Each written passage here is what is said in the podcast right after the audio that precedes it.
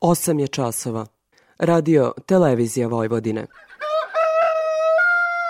Dobro jutro moj Bekrio, Ovde si mi poranio, dobro jutro moj Bekrio, ovde si mi poranio. Ta kako ne bi poranio kad upravo počinje emisija Radio Novog Sada. Poljoprivredno dobro.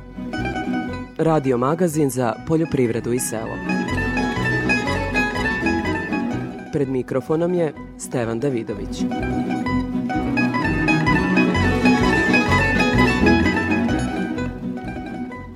Dobro jutro. Na njivama nakon otopljenja sve je više radnih mašina. Međutim, samo nekoliko dana pre toga, hladno vreme je odlagalo taj važan posao. Tako i zemljoradničke zadruge uskoro u punom kapacitetu počinju prolećnu setvu. O spremnosti naših zadrugara za taj važan posao razgovarao sam sa predstavnikom Zadružnog saveza Vojvodine, Petrom Radićem. Da vam kažem, naše zadruge manje više su se snabdele e, sa svim neophodnim materijalom koji im treba. Naravno, uvek tu ima još neki dodat, neka promena i tako dalje, ali generalno već svi već imaju neke svoje majice i klubove za koje igraju, ma ovaj, da kažem to tako figurativno, semena ima dovoljno, đubrivo je tu nešto bilo malo, da kažem, problematično kada je u pitanju e, pogotovo znači setva jarih useva, Voćari su pred agroekološkim i tržišnim izazovima.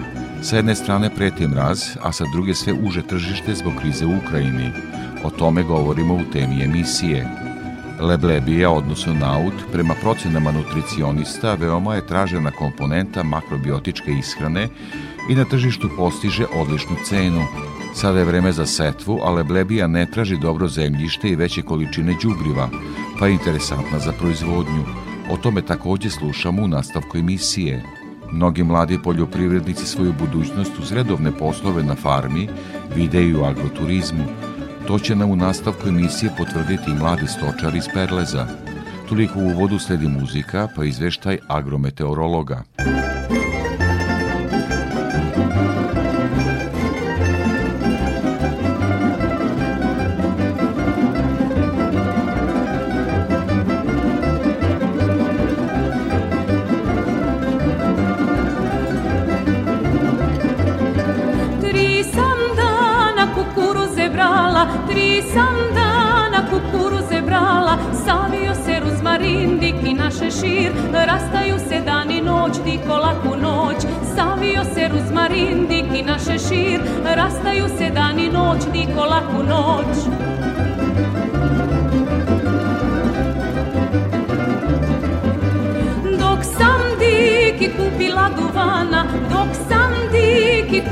duvana, savio se ruzmarin, diki naše šir, rastaju se dan i noć, diko laku noć, savio se ruzmarin, diki naše šir, rastaju se dan i noć, diko laku noć.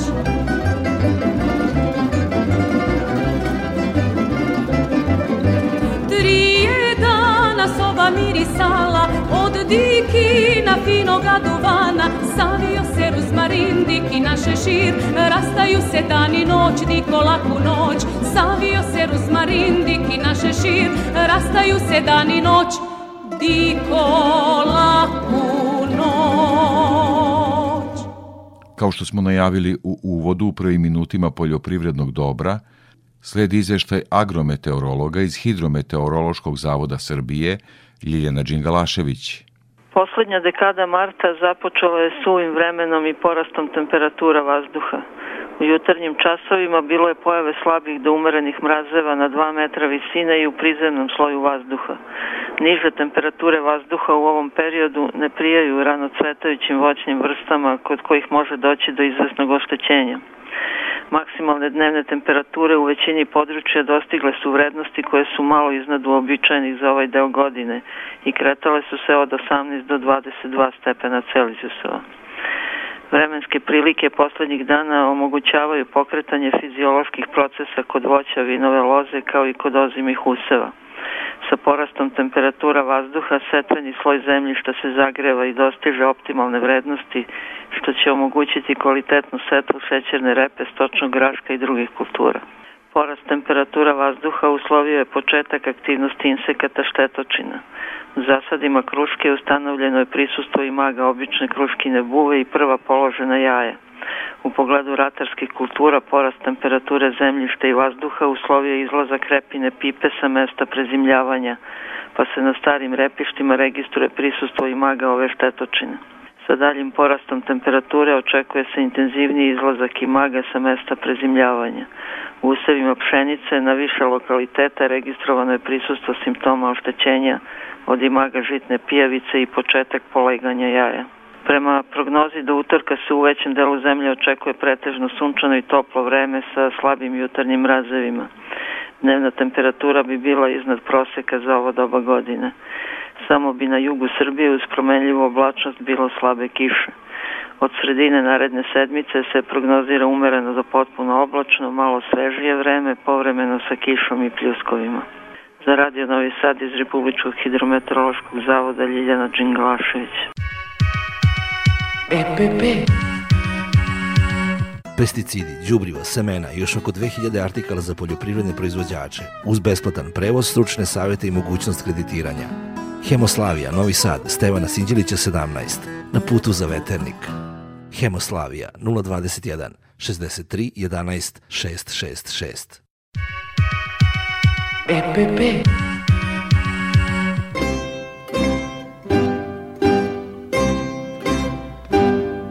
Zemljoradničke zadruge uskoro u punom kapacitetu počinju prolećnu setvu. O spremnosti naših zadrugara za taj važan posao razgovarao sam sa predstavnikom Zadružnog saveza Vojvodine, Petrom Radićem. Kakva je situacija sa semenom, đubrivom, dakle repromaterijalom za setvu kada su u pitanju zadruge? Da vam kažem, naše zadruge manje više su se snabdele e, sa svim neophodnim materijalom koji im treba.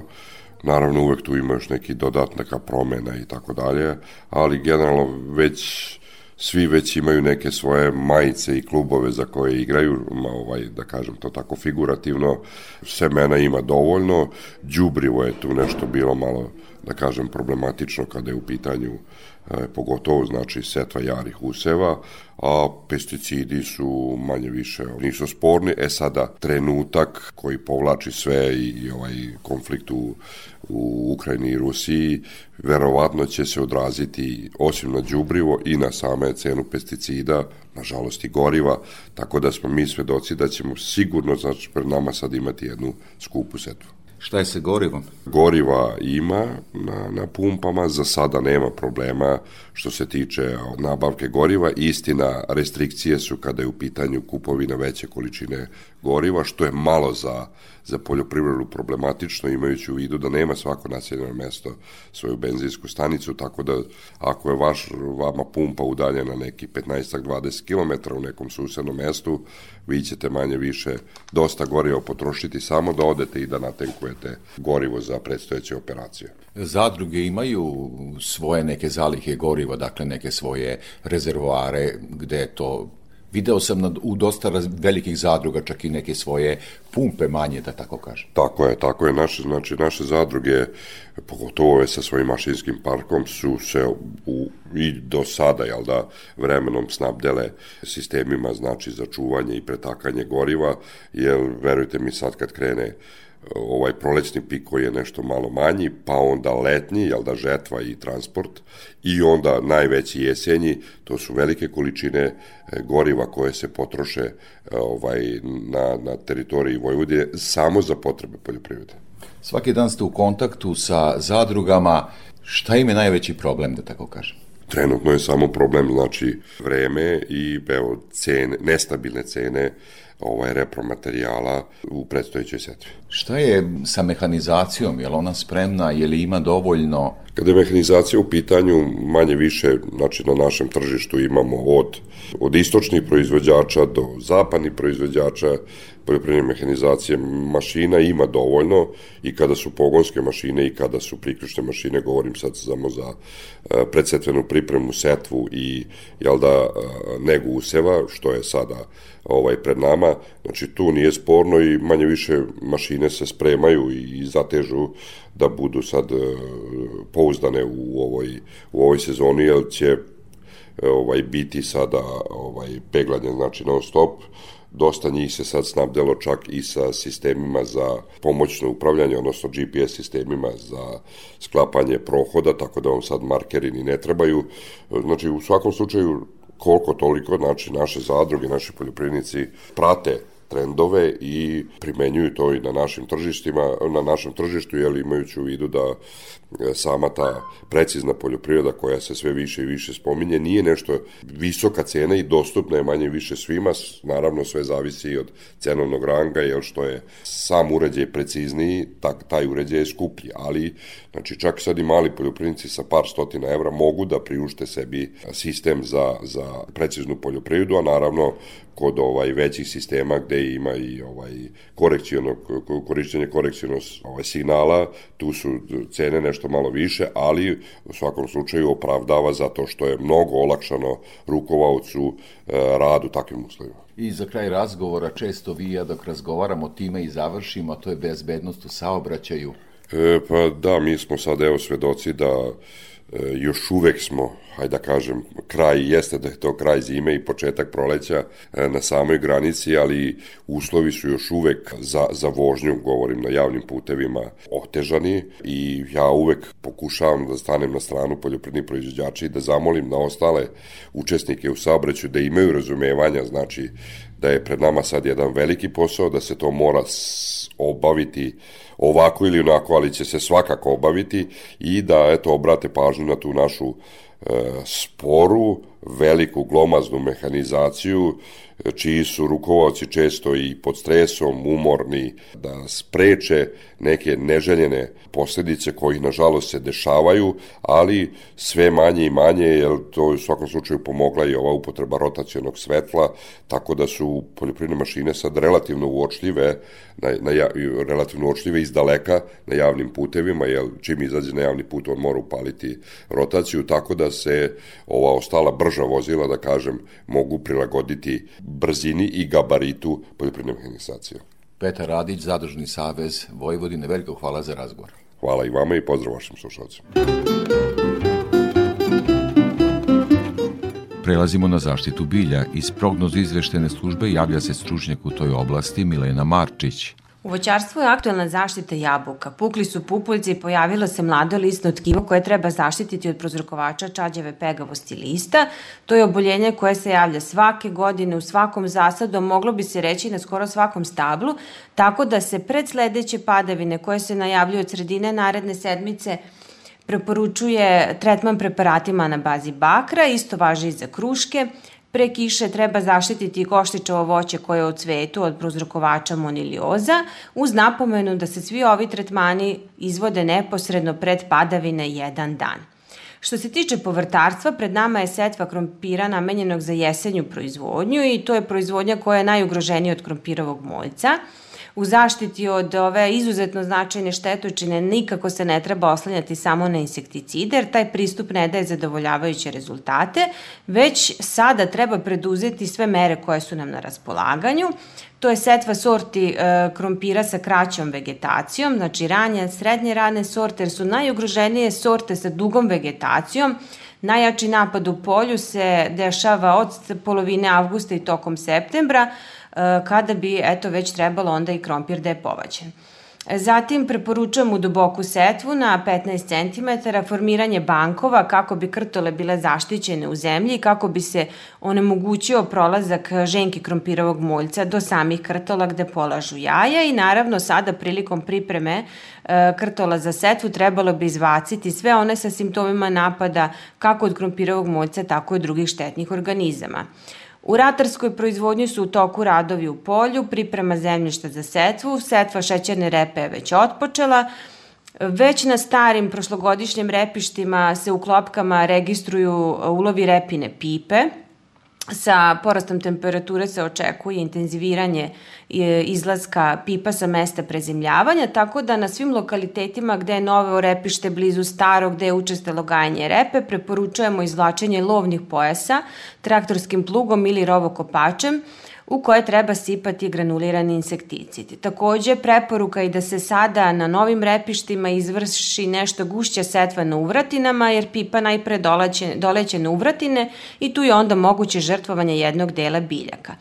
Na usevima uljane repice iz najranijih rokova setve su se, pojavi, su se pojavili cvetni pupiljci, tu smo zabeležili prisustvo repičinog sjajnika, trenutno nisu postignuti pragovi štetnosti, ali se sa takođe ovaj, otopljavanjem u narednom periodu očekuje postizanje pragova. Ti pragovi se razlikuju u zavisnosti u kojoj fazi uljana repica. Pa tako imamo 0,8 sjajnika po jednoj cvasti u fazi početka obrazovanja pupoljaka i 1 do 1,5 sjajnika u fazi kada su pupoljci još nediferencirani i izbijeni u cvasti. Za suzbijanje ovih štetočina su registrovani insekticidi na bazi peritroida i usevima ječma iz najranijih rokova setve koji su ušli u fazu prvog kolenca registrujemo prisustvo oboljenja na nivou epidemijskog praga, dakle tu je već prisutno 10, preko 10% biljaka sa simptomima mrežaste pegavosti i pepelnice i apelujemo na proizvođače ječma da obiđu te useve iz najranijih rokova setve ukoliko uoče simptome biljnih bolesti da sprovedu i tretman fungicidima.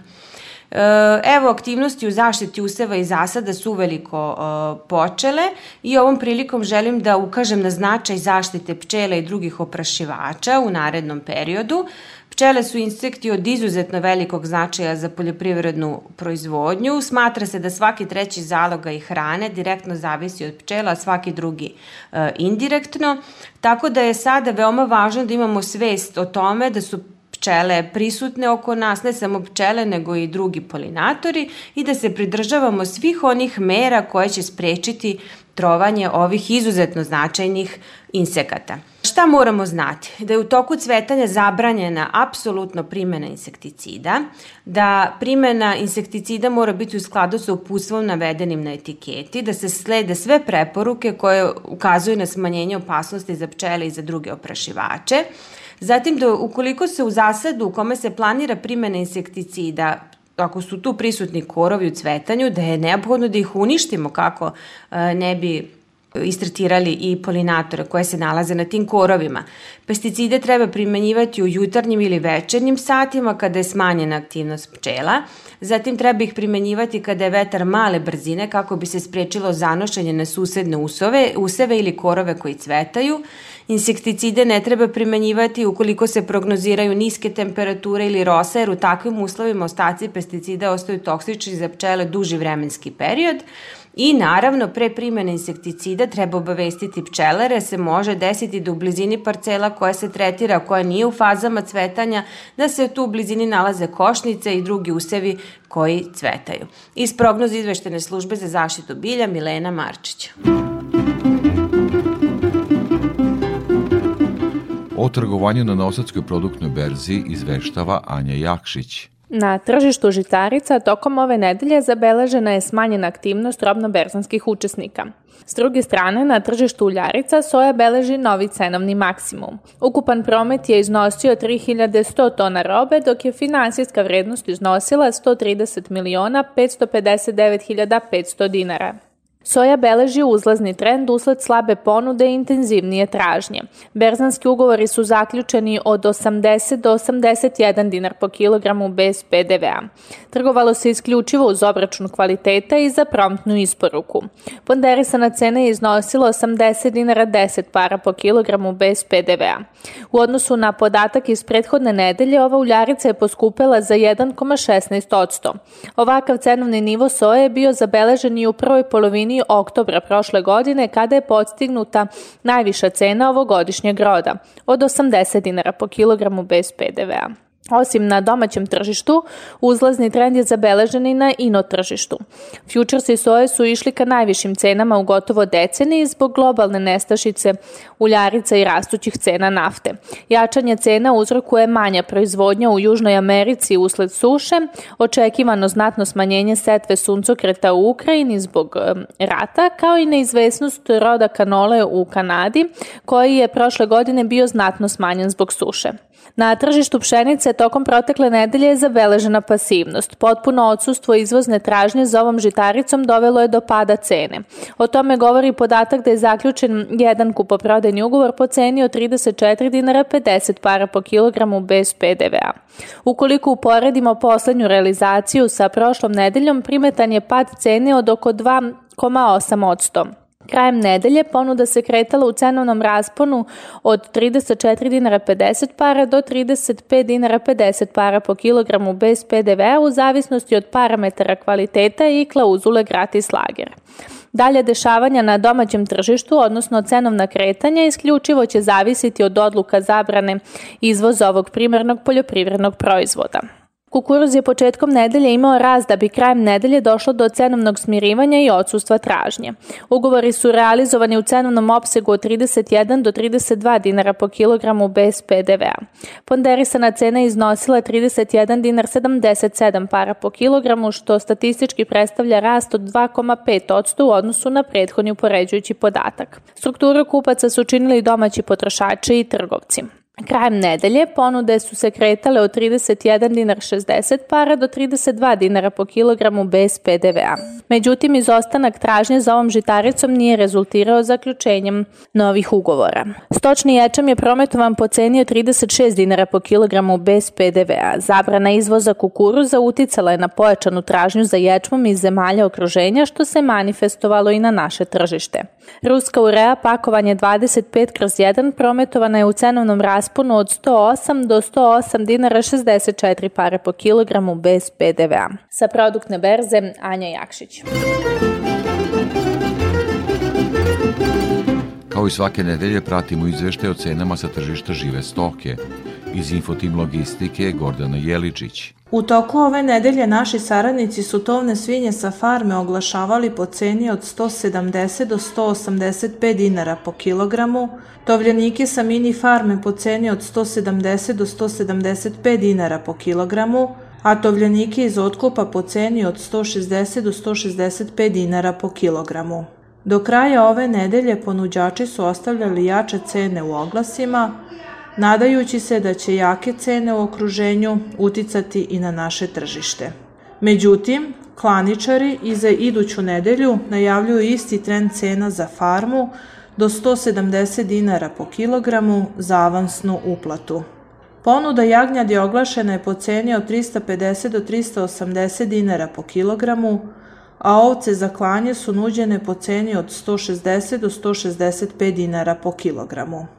U toku nedelje prasaca farme oglašena su u rasponu cena od 300 do 320 dinara po kilogramu, prasaca mini farme po cenama od 270 do 314 dinara po kilogramu, a prasad iz otkupa po ceni od 270 do 275 dinara po kilogramu. Rast cene u okruženju navodi naše ponuđače da traže više nivoje cena u ponudama. Ponude bikova Holstein oglašena je po ceni od 315 do 325 dinara po kilogramu, a bikova simentalaca po ceni od 328 do 360 dinara po kilogramu. Zbog slabe operativnosti robe, ponuđači pokušavaju sa jačim nivoom cena u ponudi. Cene su izražene bez PDV-a. Za Radio Novi Sad, Gordana Jeličić iz Infotim Logistike.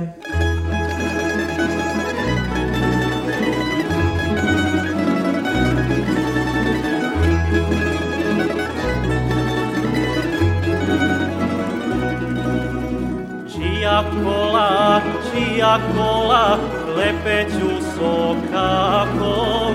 Čija kola, čija kola, lepeću sokakom. To su naša, to su naša, idu sa salaša.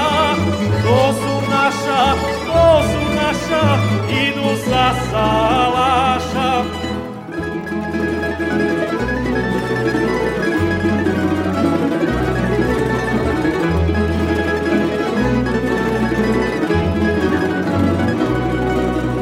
Šta se ono, šta se ono iz daleka praši?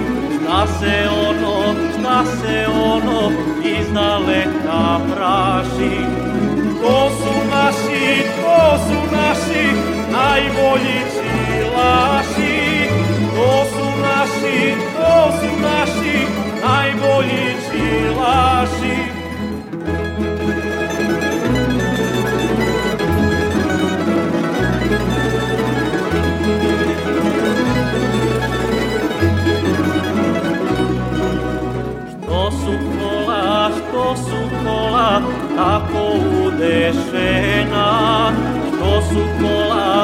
su kola, tako udešena.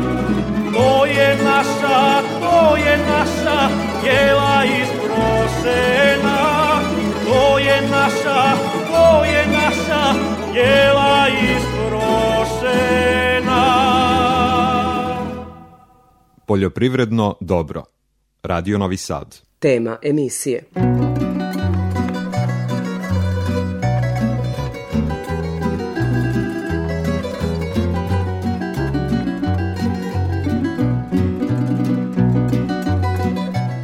Temi emisije govorimo o voćarstvu, naravno ne bez razloga.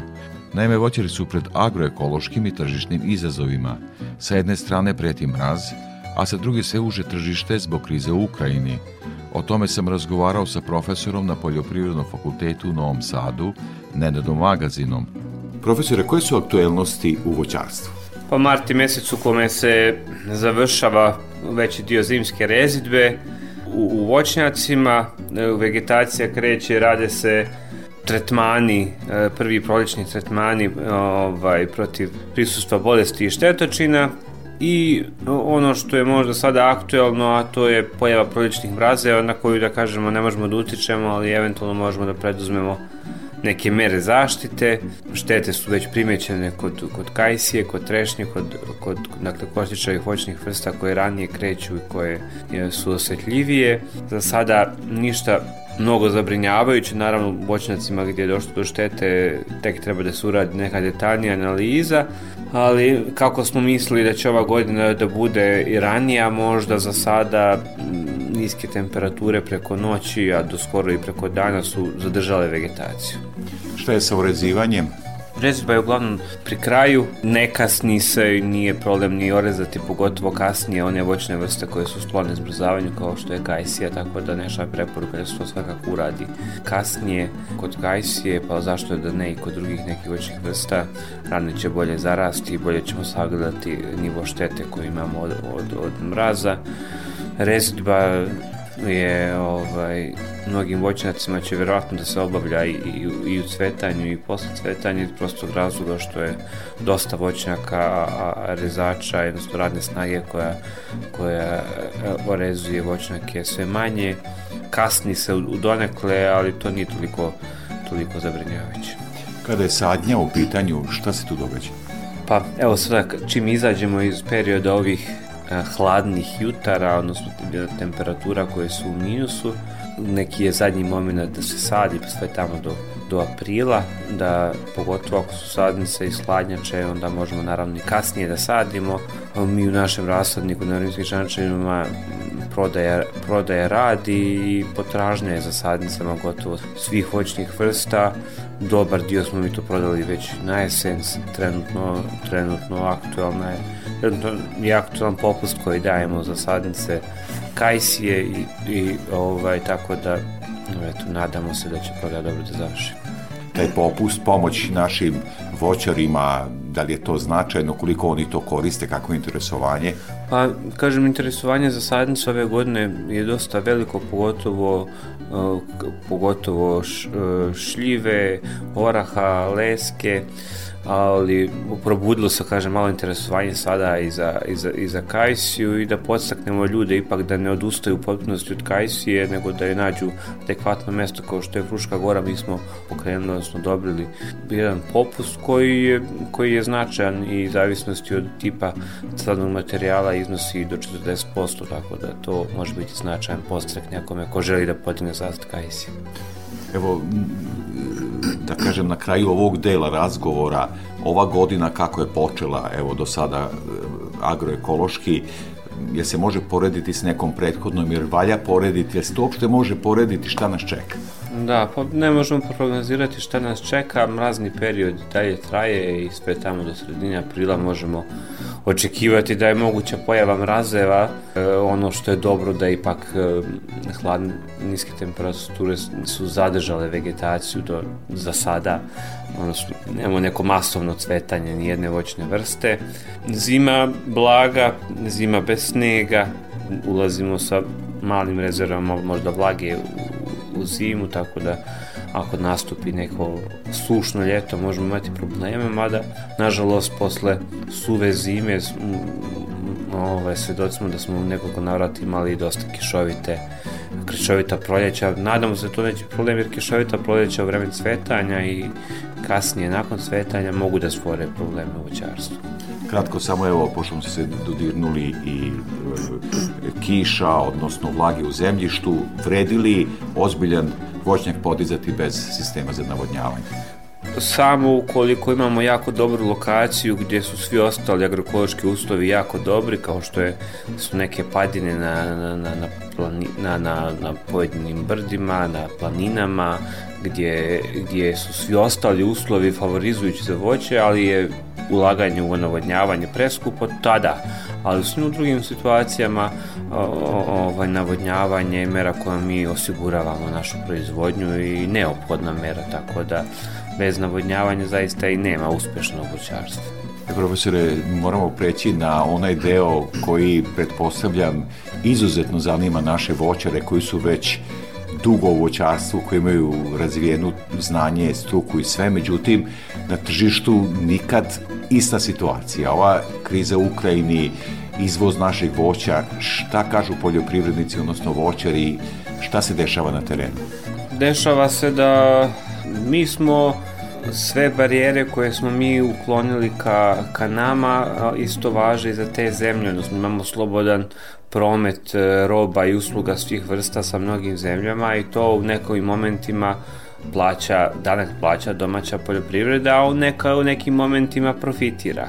Mi smo uglavnom profitirali od, od, od takve situacije i što se tiče izvoza voća, uglavnom smo imali pozitivan bilans i, i u većem dijelu godina, većem broju godina dobru situaciju što se tiče izvoza, izvoza voća kod nas najznačajniji, kod nama najznačajnije voćne vrste kod jabuke imamo situaciju da i prošle godine, ove godine imamo, imamo ove godine još i više, imamo lošu situaciju sa prodajom jabuke, ove godine je to uzrokovano i, i ovim ratom u Ukrajini i, i pitanje kako će, kako će se to sve završiti, mislimo da će biti dosta loša situacija oko izvoza, jer, jer 80% naše jabuke, a i mnogi drugih voćnih vrsta, kao svježe voće, išlo na rusko tržište. Čak i da sutra prestane tamo rat, pitanje kako će se normalizovati. Ovaj, i, i da li će uopšte biti toliko interesovanja za, za, za, za voće u krizni, kriznom, kriznim momentima ono što država radi, proizvođači rade, otvaraju nova tržišta, ali to nije lako. Da biste vi osigurali neči, neko tržište za našu robu, onda mi moramo da otvorimo se za robu iz te, zemlje nekog drugog vjerojatno porijekla, tako da razumljivo je što to, ne, što to ide polako, ali treba se orijentisati na one voćne vrste i sorte koje, koje, su, koje imaju mnogo šire, su šire prihvaćene u zapadnoj Evropi prije svega i ono na čemu treba raditi je domaće tržište koje ne smemo zapostavljati i neke druge zemlje su bile u sličnim kriznim momentima, svetimo se 2014. zabrane uvoza ovaj, voća u Rusiju iz Evropske unije, gdje je Poljska odjednom bila u velikom problemu, ali je država to rješavala tako što je posticala domaću potrošnju, posticala kupovinu jabuke, sama kupovala jabuke za različite ustanove tipa vrtića, škola, a, za neke velike lance ovaj, distribucije i na taj način kompenzovala gubitke tog sektora. Mislim da država Srbija bi trebala nešto da uradi u tom pogledu i, i ovde, jer, jer ako smo posticali sadnju, o, o, o velikih površina voćnjaka treba sada da, da pužimo šansu da ti zasadi opstanu u ovim uslovima. Možda pitanje koje ide uz ovo, jer je deo problema naših voćara, to je radna snaga, pretpostavljam da je to jedan od problema koji muči naše voćare sve više i više. Kakva je situacija? To je ogroman problem s kojim se su, susreću voćari svi u Srbiji, negdje radne snage uopšte nema jer ne, nema ljudi, negdje gdje ima ljudi, a, radna snaga je preskupa, pa su onda proizvođači na ivici rentabilnosti. Evo reći vam podatak da u okolini, okolini Novog Sada dnevnice u poljoprivredi su došle do, za, za poslove osim rezidbe došle i do 4500 dinara, za rezidbu se plaća i više, tako da je to nije nimalo lako izdržati u neizvjesnim uslovima tržišta gdje vi zaista morate angažujete radnu snagu da uložite, a onda ne znate šta će da bude sa, sa, sa cijenom. Nažalost, na, veći dio našeg voćarstva je nije okrenut ka, ka aktivnom, aktivnoj prodaji, nego, nego ka pasivnom otkupu, odnosno čekanju da se roba otkupi i to se, to se mora mijenjati da bi proizvođači imali veću sigurnost, ali što se tiče radne snage neće biti bolje i morat će se tražiti, tražiti rješenje ovaj, u, u, u angažovanju radne snage iz, eh, iz drugih zemalja. Često se čuju povici da bi poljoprivrednici trebali da plaćaju radnu snagu domaću mnogo više, pa bi onda imalo, imali ko, ovaj, kod, imalo ko da radi, međutim onda mi gubimo konkurentnost naše poljoprivrede, odnosno neke druge zemlje koje imaju možda i, i skuplju radnu snagu, ali veći nivo subvencije od strane države. Profesore, zaista za kraj razgovora u najkraćem samo, pošto ovaj razgovor snimamo na Poljoprivrednom fakultetu u Novom Sadu, studenti, kako je interesovanje, koliko će mladih biti u narednim godinama, pričamo o radnoj snazi, ali da malo pričamo i o znanju, da kažem, što će se pojaviti na, na, u našim voćnicima. Pa, mi mislimo da je jedan od problema srpske poljoprivrede i, i nedostatak znanja. Mi imamo poljoprivreda je i zapostavljena, imamo neki maćehinski odnos e, i društva prema njoj i, i, i, i, i o, posmehivanje generalno poljoprivredi i onda mladi ljudi koji žele zaista nekim i srcem i dušom studiraju poljoprivredu često su ovaj izloženi ovaj podsmeho nekada i osudi od strane svoje sredine pa čak i svojih najbližih što je što je nonsens. Od poljoprivrede kao i svakog drugog posla se može jako lijepo živjeti i, i, i, i, i dobar dio naše zemlje i privrede je okrenut kao poljoprivredi i ima potrebu za angažo, angažovanje inženjera o, iz, iz razli, različitih oblasti. Interesovanje za poljoprivredu u ovoj godini za studiranje poljoprivrede tek ćemo da sagledamo. Po onome što možemo da vidimo, a to su neke prve informacije a to, to je broj studenta, odnosno budućih studenta, sadašnjih đaka koji se prijavljuju za pripremnu nastavu, imamo veće interesovanje nego prošle godine, tako da se nadamo da će taj pokazatelj da znači da ćemo imati više možda kandidata na naših 515 budžetskih mjesta i 150 samofinansirajućih mjesta, ali mislimo da znanje koje inženjeri nose sa poljoprivrednog fakulteta treba vrednovati i da je da je poljoprivreda, da je, da je zemljište jedan uh, resurs kojim, kojim treba raspolagati uz pomoć znanja, a ne, ovaj, a ne bez znanja raditi, osloniti se isključivo nekim domenima na tradiciju koja može biti dobra, ali, ali ne mora uvijek da daje odgovore na sva pitanja. Profesor Nenad Magazin, Poljoprivredni fakultet u Novom Sadu, veliko hvala za ovaj razgovor i učešće u programu Radio Novog Sada. Hvala i vama i pozdrav svim vašim slušalcima.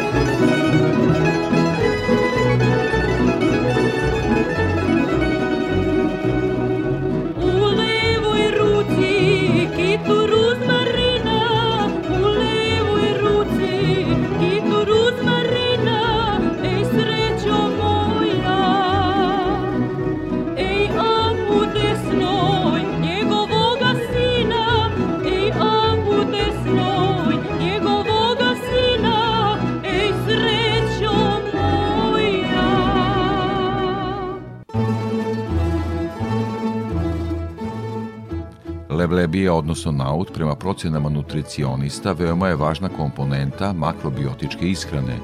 Sada je vreme za setvu, pa sam o tom poslu razgovarao sa proizvođačima i prerađivačem leblebije u Bačkom gradištu, Nemanjom Mirilovim. Nemanja, vi se već više godina bavite proizvodnjom leblebije nauta. Da krenemo od agronomije, sada je vreme setve. Tako je, trenutno je, e, vreme setve još nije počelo, u fazi je priprema zemljišta, znači, pošto ove godine, mi smo ove godine izbacili, ne ove, ajde pričamo o nama, mi smo znači izbacili oranje, pošto ona kao biljka, kao biljka ne zahteva tako puno kvalitetnog zemljišta i to, i izbacili smo čak i veštak, što nama za ovu godinu to, eto, predstavlja jako veliku pozitivnu stvar, i mi smo to još pre tri godine izbacili. Znači, mi zemlju bukvalno samo prevrenemo pre setve sa ovakvom tanjiračom 5 cm i idemo direktno setvu sa težom sejalicom, znači na 5 cm isto dubine i to je to. Sad, sad trenutno dešava. Naša zemlja sad trenutno miruje. Ona ima pokrovni usev na sebi. Pokrovni usev znači da e, zemlja miruje i taj, taj pokrovni usev e, truli u zemlju, odnosno stvara se humus. Mi sada čekamo samo da e, dođe još ovo malo lepše vreme. Idemo da istanjiramo bukvalno 3 dana pre setvu i znači tamo negde planiramo između 5. i 15. aprila da se ako uslovi dozvoli. Leblebija naut, dakle, je vrlo povoljna za gajanje u ovo vreme kada je skupo đubrivo.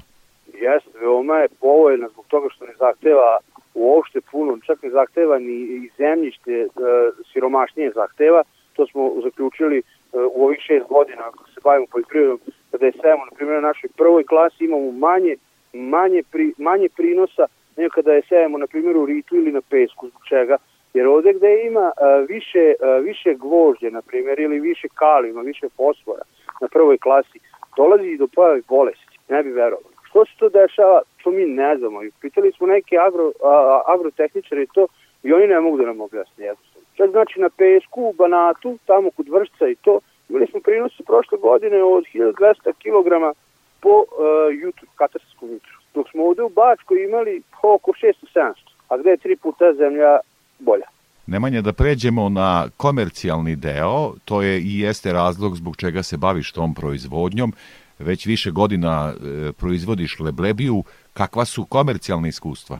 Pa naš najveći, e, naj, naj, najveći konkurenti su bili uvoznici iz Rusije i Ukrajine, to je sad stalo. I sad je za leblebijom jako pojačan. Pošto mi radimo preradu u brašno i sirovinu, teško da ćemo ih prodavati, je da izlaze sa sa astronomskim cenama kao i sve što je, međutim, najverovatnije da ćemo sirovinu još uvijek zadržati u magazinu. Zbog toga što je sve nekako to nama liči na naduvani balon i ne želimo da se oslobodimo sirovine, nego je ostavljamo za našu ovu mini preradu brašna. Pre nego što je nastala ova situacija, kriza u Ukrajini, kako je komercijalno kotirala Leblebi, odnosno Pa na nas to nije tako nešto uticalo, zbog toga što smo mi imali dosta dovoljno naše, naše drugi poljoprivrednik isto koji su sejali i što smo mi od njih uzimali i, i mi smo isto dosta sejali, tako da smo se mi obezbedili.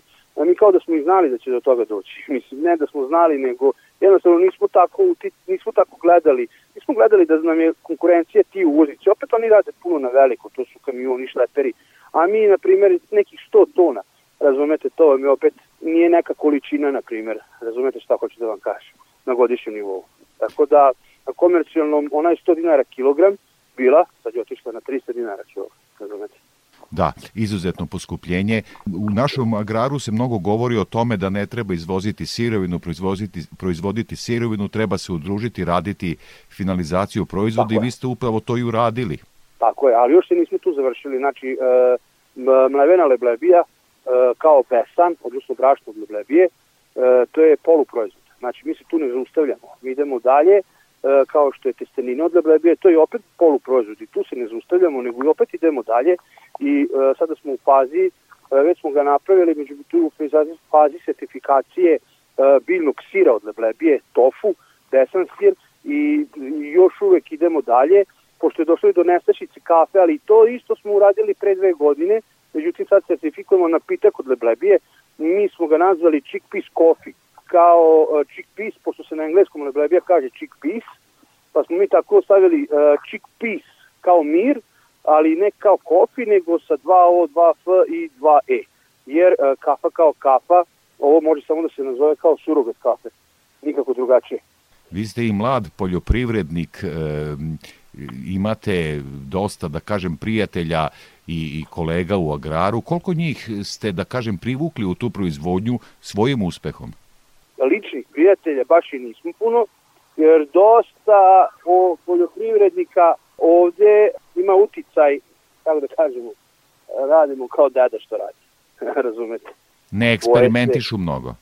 Ma ne, drže se onih svojih starih, razumete, stvari i jednostavno to je to. Ne, ne žele i em što ne žele, em što ne dozvoljavaju i najviše dolaze do toga, kako da vam kažem, najviše ja kažem treba će u glavi. Znate, ljudi kad se nešto ne naviknu na nešto, teško žele da menjaju. E sad, imamo mi dosta poljoprivrednika, znači to su nam prijatelji, novi prijatelji, razumete, u poslu, postali smo jako dobri prijatelji kao porodični prijatelji, postali smo prijatelji i ovako što se tiče e, drugih stvari, tako da e, privuka Leblebija nas je i družila. Je li imate neko udruženje, kako pa, kooperante? Pa, udruženje je bilo upravo u pitanju Međutim, posle se, smo ipak zaključili da je najbolje da se to osnoje kao firma, jer kao udruženje određena papirologija nije baš tako kako je, kako je rečeno u početku. Kada se uđe malo dublje u to, nije to baš to što bi kao udruženje. Imamo udruženje. Međutim, udruženje ne može da radi neke stvari kao što je prerada, prodaja i određene stvari e, u financijama. Tako da je najbolje kao firma i, i onda jednostavno idemo kao firma. I kooperanti Jer onda. Tako je, tako je, tako je. Mi naše kooperante ne, ne volimo da kažemo kooperante, više kažemo poljoprivredni prijatelji. E, zato sam vam ja i ono prethodno pitanje postavio. I evo, možda za kraj ovog razgovora, mnogo se govori o zdravoj hrani, Leblebija spada u tu grupu proizvoda. E, dakle, ko su kupci između vas i konačnog kupca? Kako to, to distribuciju radite? Mi smo odmah u početku počeli online, pre sve, pre cele ove epidemije i pre svega u 2016. godine smo mi krenuli online prodaju. Znači, i tu smo se bili koncentrisali 90% naše prodaje išlo online prodaje. Međutim, uh, imali smo mi imali smo mi sajmove uh, hrane uh, i ove festivale hrane što smo obilazili i tu su nas znači ljudi koji imaju prodavnice, koji imaju zdrave hrane videli videli našu energiju, videli naše proizvode, kontaktirali, sad smo ušli u nekih 187 zdravih hrana, izvozimo brašno za Mađarsku, za Sloveniju, radimo sa još nekim firmama u vezi dogovora što se tiče sirovine, tako da sve u svemu tržište ima, samo nadamo se da ćemo imati sirovine, ako godina dozvoli. Nemanja, veliko ti hvala za ovaj razgovor. Dakle, naši e, slušalci, ali boga mi poljoprivrednici imaju razloga da obrate pažnju na ovaj razgovor, ovu priču, kako se to kaže, i tako, da tako. nađu sebe u novim proizvodnjama, a e, potrošači u zdravoj hrani. Veliko hvala za ovaj razgovor i učešće u programu Radio Novog Sada. Takođe, hvala i vama, puno vas pozdravljamo iz Bačkog gradišta. Prijatno, doviđenja. Svako dobro, prijatno.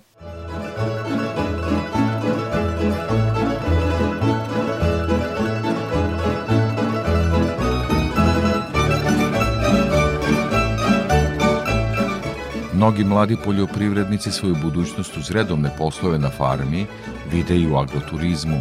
Na sajmu turizma u Beogradu to mi je potvrdio i proizvođač iz Perleza Miodrag Puručki. Ovde smo na sajmu turizma i naš razgovor naravno ići će malo i u tom smeru. Međutim, vi ste i poljoprivredni proizvođač. Čime se bavite od poljoprivrede? Proizvodimo znači, e, tri kulture, ja uglavnom radim suncokret, kukuruz i pšenica to je onako čisto ratarenje, mada kukuruz koristimo i ovaj, u, u, u svrhu ishrane. Imam stoke, mlečno govedarstvo. Samo mlečno ili ima i tovnog? Kod mene za sada trenutno je samo mlečno. U planu je da se to malo širi, ali trenutno je samo mlečno govedarstvo. Kada je reč o mlečnom govedarstvu, kako je poslovanje trenutno? Pa trenutno cena nije loša, tu su neki pregovori su u toku, Cena će još ići gore, pogotovo zbog ove situacije. Trenutno je zabrana izvoza, to je jako važna stavka po meni. I mislim da trenutno ovaj, mleko bi trebalo da, da, da ode gore. U toku su pregovori. Prodajete sirovo mleko ili planirate malo i da finalizujete proizvod? Pa trenutno u mojoj situaciji, znači samo se radi, prodaje se sirovo mleko, ali moji neki dugoročni planovi su možda da se dođe do nekog gotovog proizvoda, nekog sira, kačkavalja ili tako nešto. Ako to krene da se razvija kako treba. To je porodični posao. Naravno da. Svi smo tu. Radne snage ne nedostaje. Tako je, tu su majka, otac, najveća podrška. Otac mi je veterinarski tehničar. On održava imanje što se tiče tih stvari. Imamo podršku jednu, jednu prema drugom, svakako. Ja sam više sklon ratarenju, ali svakako tu sam i u stočarstvu, sa njima zajedno. Počeli smo ovaj razgovor od turizma, agroturizma. Evo si malo spomenuo da planiraš i finalizaciju kada je u pitanju mleko. Da li planiraš i da od turizma nešto postaviš, da oni koji dođu u Banat probaju zaista zdrav proizvod? Pa u suštini da, to, to, to, to su neki dugoročni planovi. E, moj, moj, moj plan dugoročni se svodi na to da, da, da izađem na reku Begej, znači tu je ogroman pašnjak i da na toj recimo nekom salašu vikendici da sada trenutno ni, nema ništa od toga, ali da na tom nekom salašu vikendici može da se probaju ti gotovi proizvodi i da dolaze turisti i ljudi naravno koji to vole da vide. Pored je reka, čamac, sve lepo. Jel imaš u Perlezu uzor, jel ima neko da je to već krenuo? Trenutno nema, dosta ljudi, dosta ljudi iskreno, pričao sam sa dosta ljudi koji planiraju da tako nešto urade, ali trenutno nema što, što je ovaj i nije toliko dobro. Šta bi ti kao podrška valjalo? Eto, država da pomogne, da te usmeri, da ti pomogne. To nije mali zahvat krenuti u nešto novo uz postojeću proizvodnju, čist agrar, dakle, i ugostiteljstvo, turizam. Šta bi ti trebalo? Meni iskreno trenutno bi najviše trebalo znači plac, objekat, kako bih rekao, znači izvan, izvan sela da, da, da, da, da, da dobijem nešto, neki prostor koji bi ja mogao da iskoristim kako treba, naravno uz neke investicije s moje strane i strane države da mi pomognu. Posticaj, već sam ostvario dva postica i to moram da napomenem, što se tiče ovaj, goveda, mlečnog govedarstva, uzeo sam oko 32 junice i prošao sam, prvo sam prošao posticaj, pa za, posle dve godine povraćaj u saradnji sa državom, to je za sada sve bilo ok, tako da moja neka sledeća, sledeće, znači, to je ovaj objekat, prostor, plac. Mlaci poljoprivrednik, neka poruka tvojoj generaciji, vredi li ulaziti u agrar i gde su još prostori da se to može e, proširiti, napraviti ozbiljniji posao? Moje e, lično mišljenje je da e, ako ja sam započeo mlečno govedarstvo, ima još mnogo stvari, to vijunadi, znači muških grla. Moje lično mišljenje je da na selu može da se živi i da može da se radi uz naravno podršku države koja je neminovna. Smatram da treba samo biti malo strpljivi, istrajan i da će to sve biti kako treba kroz koje godine. Veliko ti hvala na razgovoru i zaista sve želje da postigneš ono što si zamislio. Nema na čemu, hvala vam.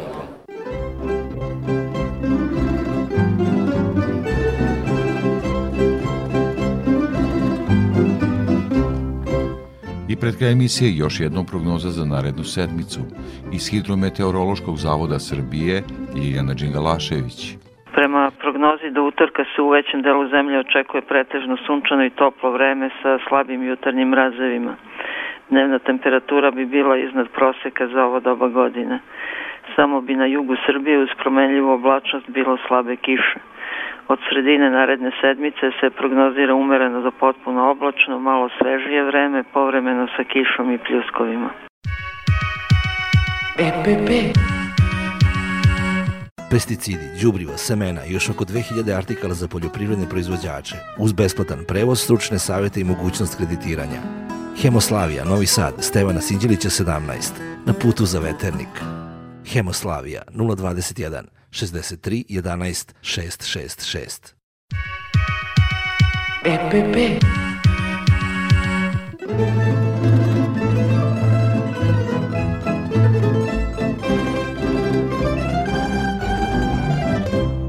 To bi bilo sve što smo pripremili za ovo izdanje poljoprivrednog dobra Radio Novog Sada.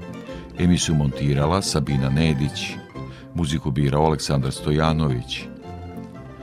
Pozdravlja vas urednik i voditelj Stevan Davidović. Naredni susret je za sedam dana uz podsjećanje da emisiju možete slušati i odloženo na portalu Radio Televizije Vojvodine na adresi rtv.rs. Svako dobro!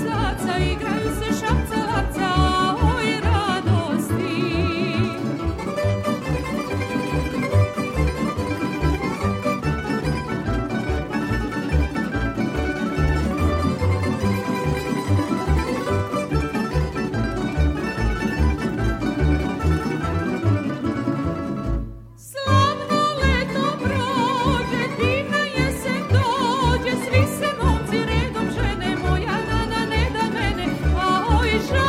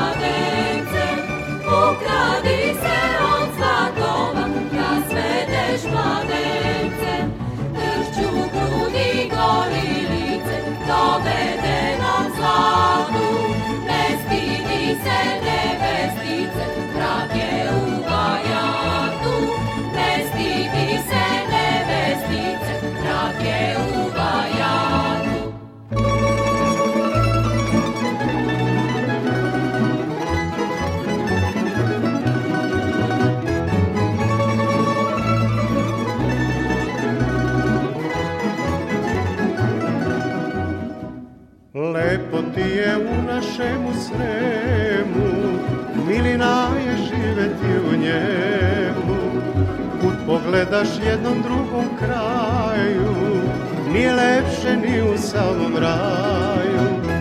Ej, lane moje, nije lepše ni u samom.